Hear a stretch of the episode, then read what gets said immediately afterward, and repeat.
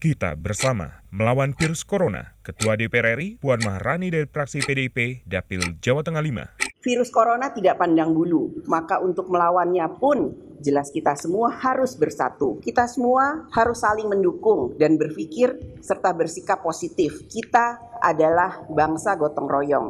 Dan dengan gotong royong, maka insya Allah Indonesia akan menjadi lebih kuat.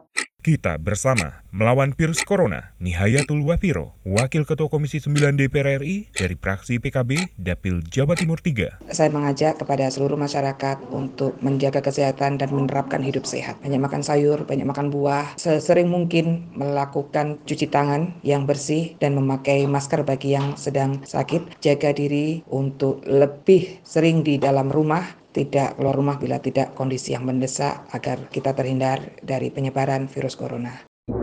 Ayo bersama melawan virus corona. Pesan ini disampaikan oleh TV dan Radio Parlemen, Biro Pemberitaan Parlemen Sekjen dan BKD RI.